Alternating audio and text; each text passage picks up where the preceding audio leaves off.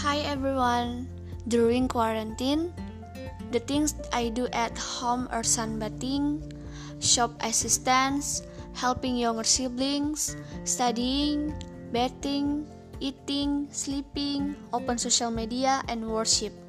That's all I do during this quarantine.